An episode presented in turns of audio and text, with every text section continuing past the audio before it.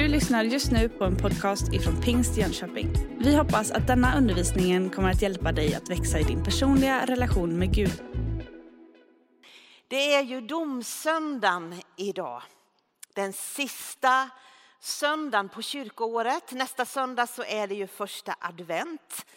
Och idag så är temat Kristi återkomst. Och jag tänker att den här söndagen, det finns väl ingen söndag som väcker så mycket olika tankar och känslor hos oss som just domsöndagen. Och därför känns det så fantastiskt att få påminna oss om oändlig nåd som Herren gav och än idag mig ger. Varför är det så att eh, domen väcker så mycket tankar och känslor hos oss? Det kan ju naturligtvis ha väldigt många olika orsaker. Dom är ju förknippat med brott och straff. Men det kan också handla om den gudsbild och den självbild som vi har. Vilken bild av Gud har jag? Och vilken bild har jag av mig själv? Och vilken relation har jag till Gud som enligt Andra Timoteusbrevet 4 och 1 är den som ska döma levande och döda. Jag vet inte vad du har för erfarenhet av det här med domstol. Själva byggnaden och själva miljön kan inge en väldigt stor respekt för oss. Som pastorer eller präster så får vi inte kallas som vittne inför en domstol. Om någon har kommit till oss och delat någonting i förtroende så får vi inte kallas som vittne utan tystnadsplikten den är absolut för en präst eller pastor. Men om det däremot handlar om att stödja någon i utsatthet det kan vara en av våra konvertiter som ställs inför domstol. Då kan jag som en medvandrare få finnas där för att bekräfta att jag har sett den här personen bli döpt till Kristus. Jag kan bekräfta att jag har sett den här personen utöva sin tro och jag kan tro att det här är sant. Så på så sätt har jag fått finnas i det här med att vara ett vittne i en domstol. Men det kan inge mig respekt att bara få finnas där. Och hur ska det inte då vara för den som ska få sin sak prövad? Domen kan innebära ett positivt besked, men den kan också innebära ett avslag. Hur ska det bli? Domsöndagen den handlar ju om den slutgiltiga domen vid Jesu återkomst.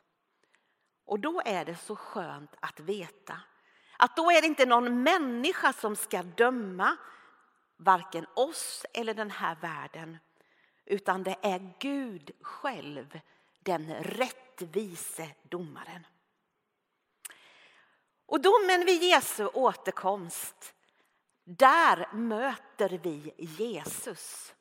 Vi möter Jesus som är vår frälsare men som också är vår domare. Tänk på det, du som har fått ett negativt besked från en domstol.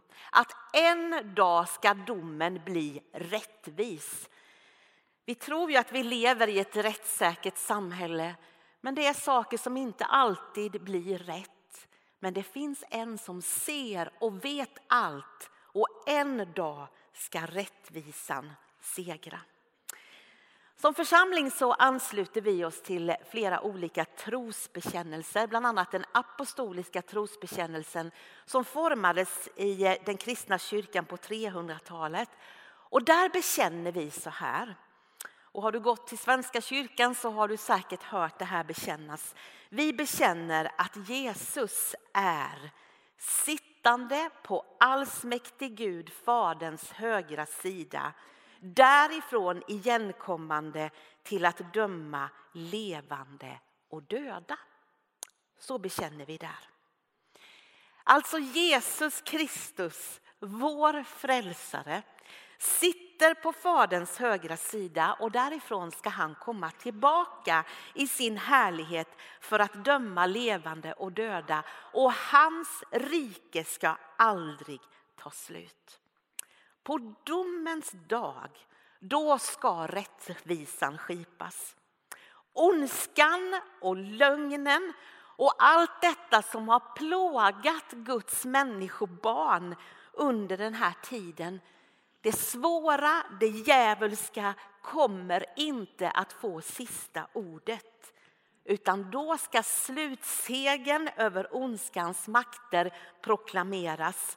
Och Gud, han har inte glömt bort någon enda människa som har fått lida eller blivit trampad på.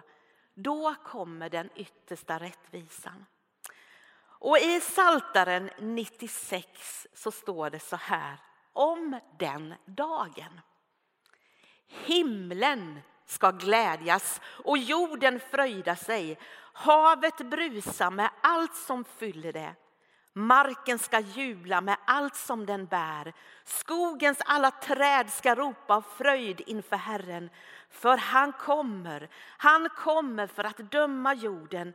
Han ska döma världen med rättfärdighet och folken med sin trofasthet. Himmel och jord ska brista ut i denna lovsång. Men ändå så är det som att vi skakas av budskapet om domens dag. Vad händer med mig? Och vi ska läsa tre av de texterna som är föreslagna för den här dagen. Och vi ska ta med oss tre frågor in i de här texterna. Och vi ska börja med den svåraste texten, för det finns texter som inte är så lätta att ta till sig. Och vi läser ifrån Matteusevangeliet kapitel 13, vers 47. Och frågan som Jesus skickar med i den texten är Har du förstått allt detta? Med himmelriket är det också så när man lägger ut nät i sjön och får fisk av alla slag i det. När det är fullt drar man upp det på stranden och sätter sig ner och samlar den goda fisken i korgar och kastar bort den dåliga. Så ska det bli vid världens slut. Änglarna ska gå ut och skilja det onda från det rättfärdiga och kasta dem i den brinnande ugnen. Där ska man gråta och skära tänder. Har ni förstått allt detta? Ja, svarade de. Folket som Jesus undervisade de bodde där vid Genesarets sjö och de var vana med fiske och de var beroende av fiske. Och Jesus använde ett bildspråk som de kände till. Med himmelriket är det som när en man lägger ut nät i sjön.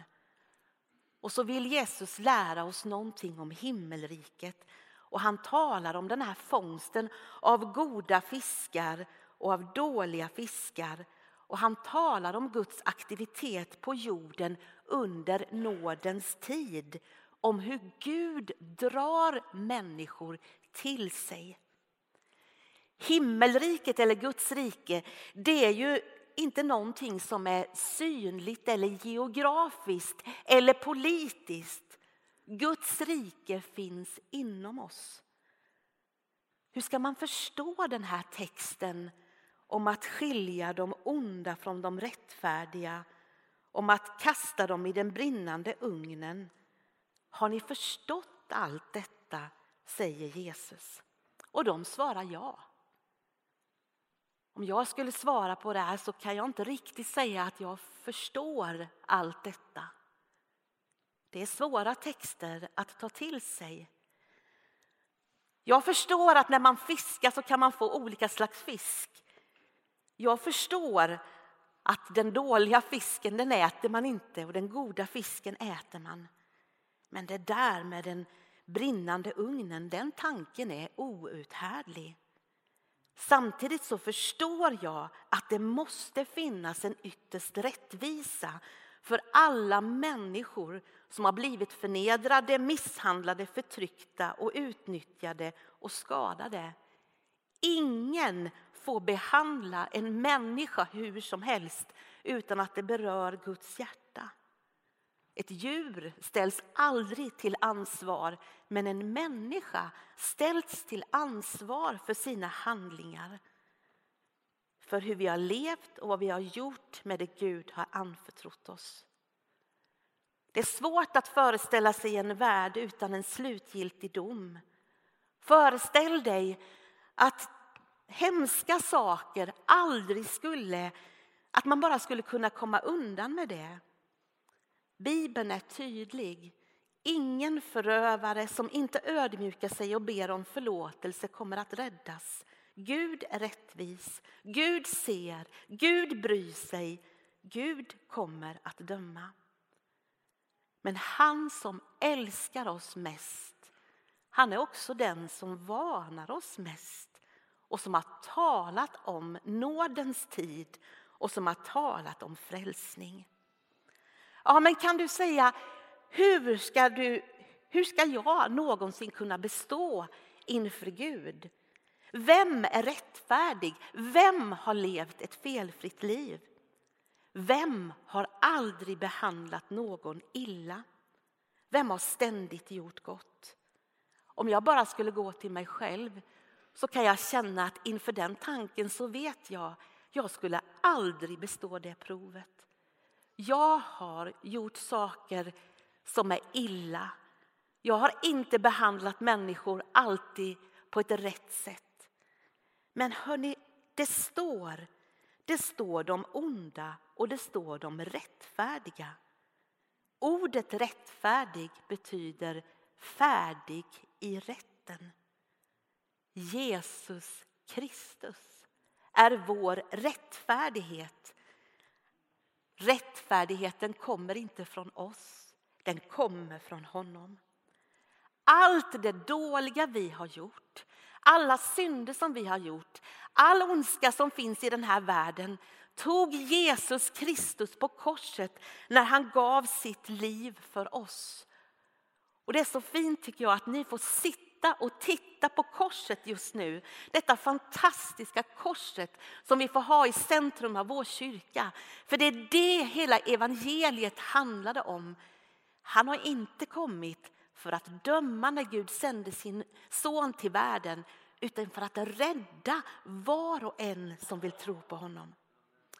Johannes 12 säger så här. Om någon hör mina ord men inte tar vara på dem så dömer inte jag honom, ty jag har inte kommit för att döma världen utan för att rädda världen, säger Jesus. Men den som avvisar mig och inte tar emot mina ord, han har mött sin domare. Det ord jag har talat ska döma honom på den sista dagen. Att ta vara på hans ord, att ta vara på hans nåd. Det är det evangeliet handlar om. Och vi hörde oändlig nåd som Herren gav och än idag mig ger. Jag kan inte förstå alla texter i Bibeln. Men jag kan inte heller riktigt förstå allt det här som Jesus har gjort de tankarna, det är outgrundligt att förstå denna nåden som han har gett oss. Denna barmhärtigheten, att vi får byta vår synd mot hans rättfärdighet. När vi bekänner våra synder så får vi ta emot hans rättfärdighet. Förstår du detta? Jag hoppas att vi kan förstå och ta till oss Guds budskap om nåd i evangeliet. Vi går vidare till nästa text från första Korinthierbrevet 15 och 22. Och där lyssnar vi efter orden Vad hör du? Där står det, liksom alla dör genom Adam så ska också alla få nytt liv genom Kristus. Men i tur och ordning, först Kristus och därefter vid hans ankomst de som tillhör honom. Sen kommer slutet. När han överlämnar riket åt Gud fader då har han förintat varje välde och varje makt och kraft. Ty han måste härska tills han har lagt alla fiender under sina fötter. Den sista fienden som förintas är döden. ty allt har han lagt under sina fötter. Och när det heter att allt är lagt under honom är naturligtvis den undantagen som har lagt allt under honom. Men när allt har lagts under honom ska sonen själv underordna sig den som har lagt allt under honom så att Gud blir allt över allt. Hör du vad Guds ord säger? En dag ska Gud bli allt överallt. Och Filipperbrevet talar om att en dag ska alla tungor bekänna att Jesus Kristus är Herre. Redan nu får vi bekänna det och bli frälsta. Adam var den första människan och hela mänskligheten hör ihop med Adam. Och vi har ärvt döden efter honom. Men det finns en ny mänsklighet, det finns ett nytt liv som härstammar från Jesus Kristus. Och vi får liv genom honom när vi tror på honom. Och den som tror på honom ska leva om han än dör, säger Bibeln. Uppståndelsen den betyder att vi går in i en ny värld och blir lika Jesus. Och vid hans återkomst så, så står det att han ska, Jesus har först uppstått och när han kommer så ska alla de som tillhör honom också uppstå och bli lika honom.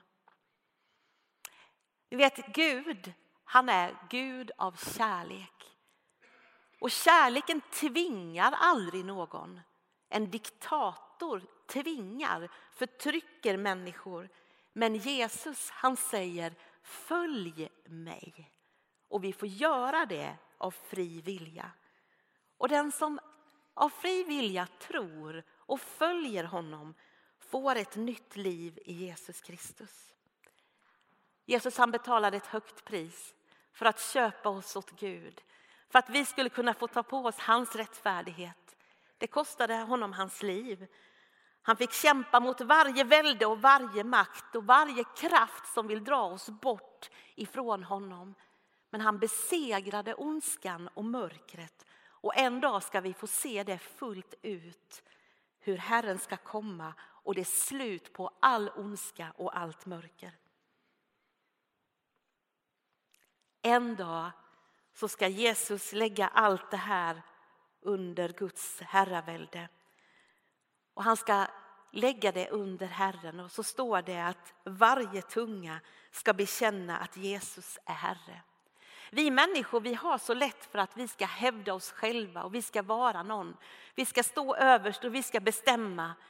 Men tänk att vi får gå in under detta som handlar om Guds underordnade. Att få böja sina knän inför Jesus Kristus och bekänna, jag är en människa som behöver dig Gud. Och att få bekänna Jesus, du är Herre. Hör du vad Guds ord säger? Att en dag ska Gud bli allt överallt. En dag ska det vara slut på död och sjukdom. En dag ska det bli slut på all ondska, allt djävulskap. En dag ska alla tungor bekänna att Jesus Kristus är Herre. Förstår du allt detta? Vad hör du? Och den tredje frågan är, vad ser du? Och så går vi till den tredje texten ifrån Hesekiel. Och det är dagens gammaltestamentliga text ifrån Hesekiel 47. Där står det. Han sa till mig, ser du människa?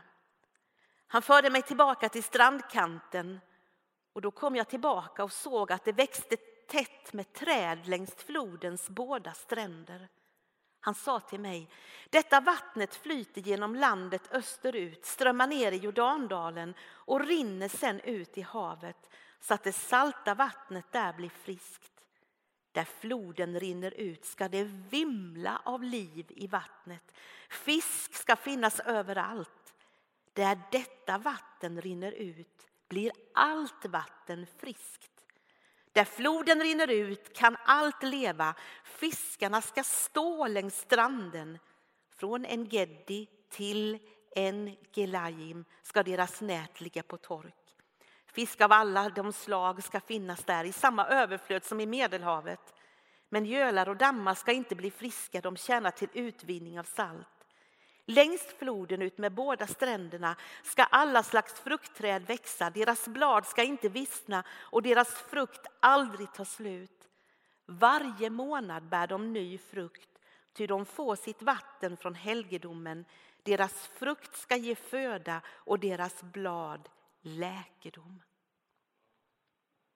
Hesekiel tar oss med till den här strandkanten där vi får se hur det friska vattnet strömmar ut över hela landet och det rinner ned mot Döda havet och Döda havet får liv och det vimlar av liv i vattnet och det är fisk i överflöd.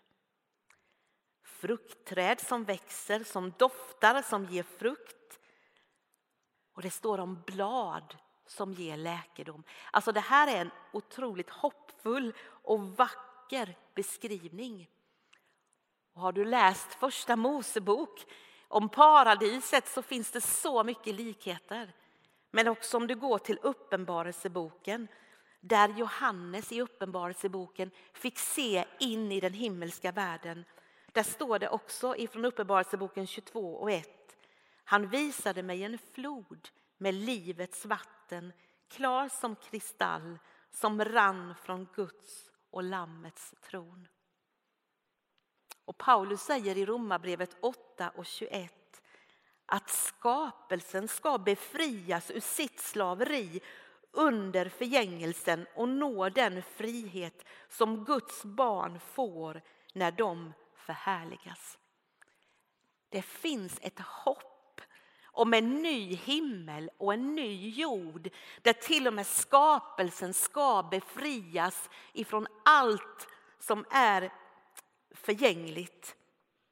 Förra söndagen så predikade Ulrik Josefsson här och han predikade från första kungaboken 6. En predikan som, som jag verkligen vill tipsa om att gå in och lyssna på. Du kan göra det på Spotify. Och han talade bland annat om det här med att tolka världen kristet. Och han talade om öppna ögon. Om att de som är med oss är fler än de som är emot. Han talade om att vi luras på något sätt i all den här ondskan som, som breder ut sig just nu. Men att vi behöver få öppna ögon så att vi ser eh, vad Gud ser och vem han är mitt i allt det som sker just nu. Vad ser du? Vad ser du? Den här bilden som vi läser från Hesekiel och från Uppenbarelseboken är en fantastisk beskrivning om vad Gud en dag kommer att göra men också vad han vill börja göra redan nu i våra liv och också genom sin församling. Kanske ser du på något sätt bara döda havet framför dig och kanske känner du att ditt eget liv är som döda havet. Det är liksom tomt och dött. Det är liksom inget utflöde på något sätt. Döda havet har ju liksom inget utflöde. Men vet du, det står om Jesus att han har kommit för att vi ska ha liv och liv i överflöd. Och Jesus Kristus, han vill fylla oss med sin ande.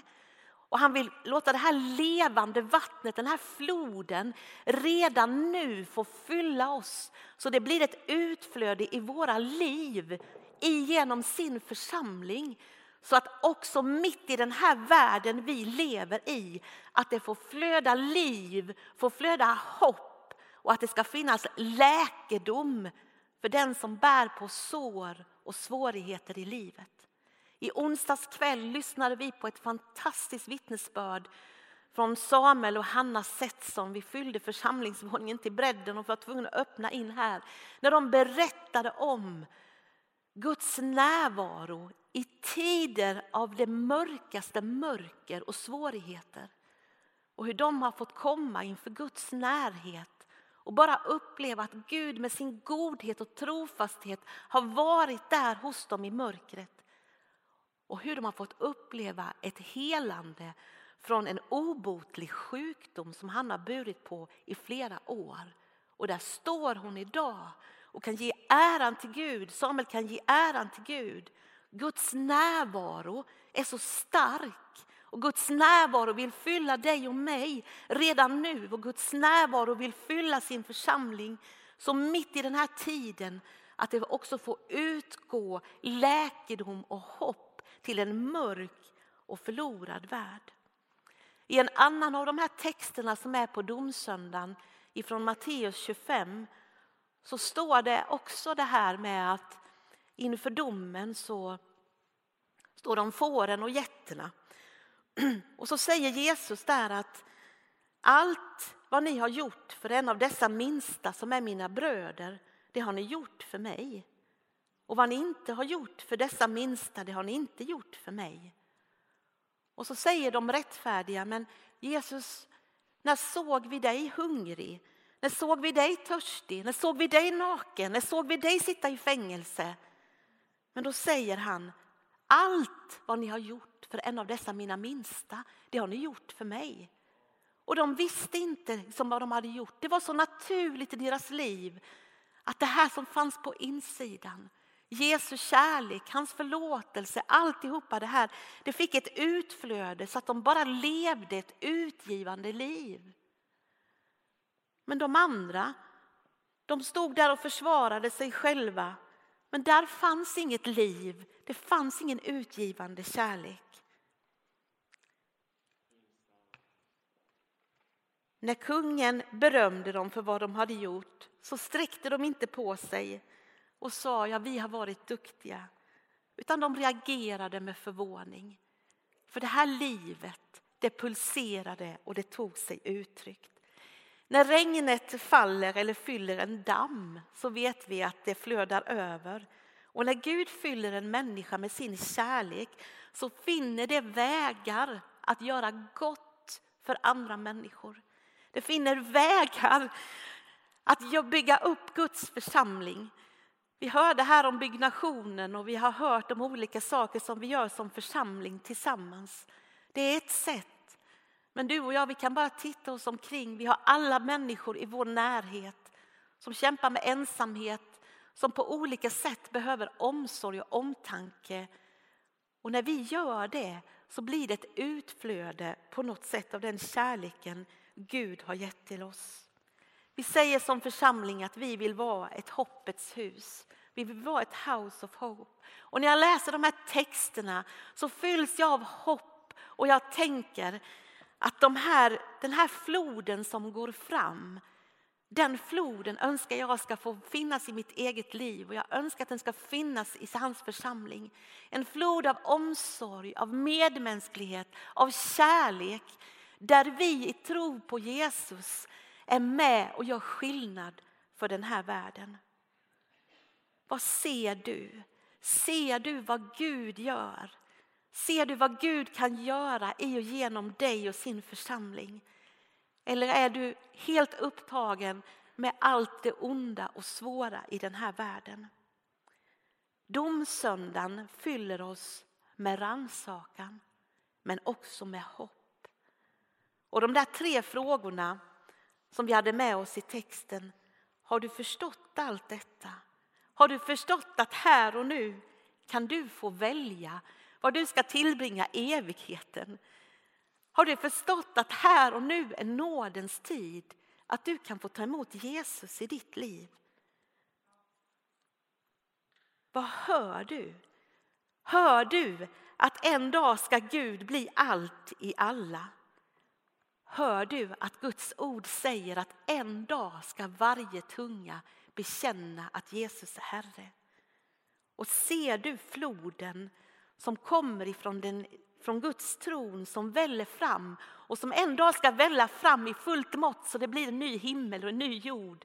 Men som redan nu vill fylla våra liv så vi kan bära hopp till den här världen.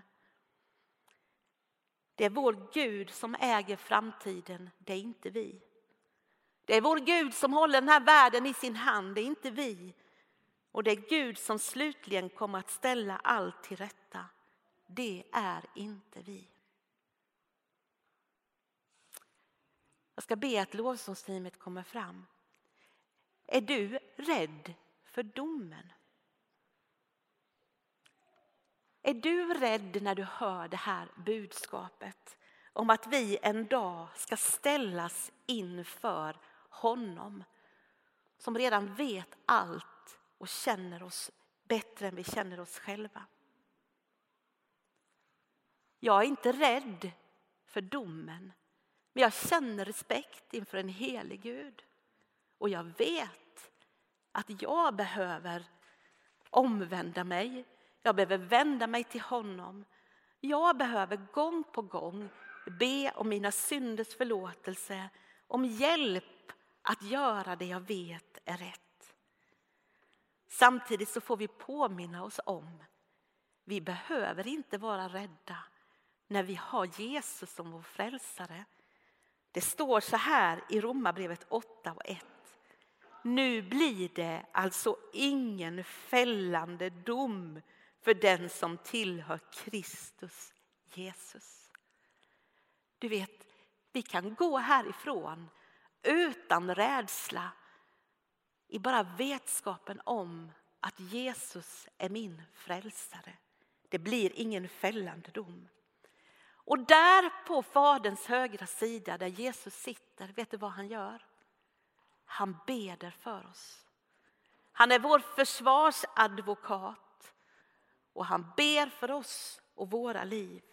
Han är det trovärdiga och sanna vittnet, säger Uppenbarelseboken. Är Jesus din Herre och Frälsare? Är du hans lärjunge? Följer du, på, följer du honom? Då kan du vara så trygg i din vandring. Och när han då lyser på saker i ditt liv, det gör han i mitt liv, så vet jag att han gör det av en kärleksfull och god avsikt. Därför att han vill förlåta, han vill rena och han vill se till att det inte finns någonting som är ett hinder för den här floden av hans ande som han vill ska strömma igenom våra liv. Så därför när Guds ljus lyser så ska vi ödmjukt bara säga Jesus. Är det här någonting som du vill att jag ska bekänna eller ta tag i? Då vill jag göra det. Jag vill inte ha någonting som hindrar din ande från att verka genom mitt liv. Redan här och nu kan vi få ställas inför Jesus kärlek, inför hans nåd och barmhärtighet. Och när vi möts till gudstjänst så möts vi för att också rannsaka våra liv, för att omvända oss till honom och låta honom få forma oss. Det är tid för böjda knän och det är tid för förkrosselse, för omvändelse och bön. Det är tid för att bjuda in Jesus Kristus i sitt liv. Oavsett om du aldrig har gjort det tidigare eller om du på nytt igen vill överlåta dig inför honom. Du har just lyssnat på en podcast ifrån Pingst Jönköping. För att få reda på mer om vilka vi är och vad som händer i vår kyrka så kan du gå in på pingstjonkoping.se eller följa oss på sociala medier via pingstikpg.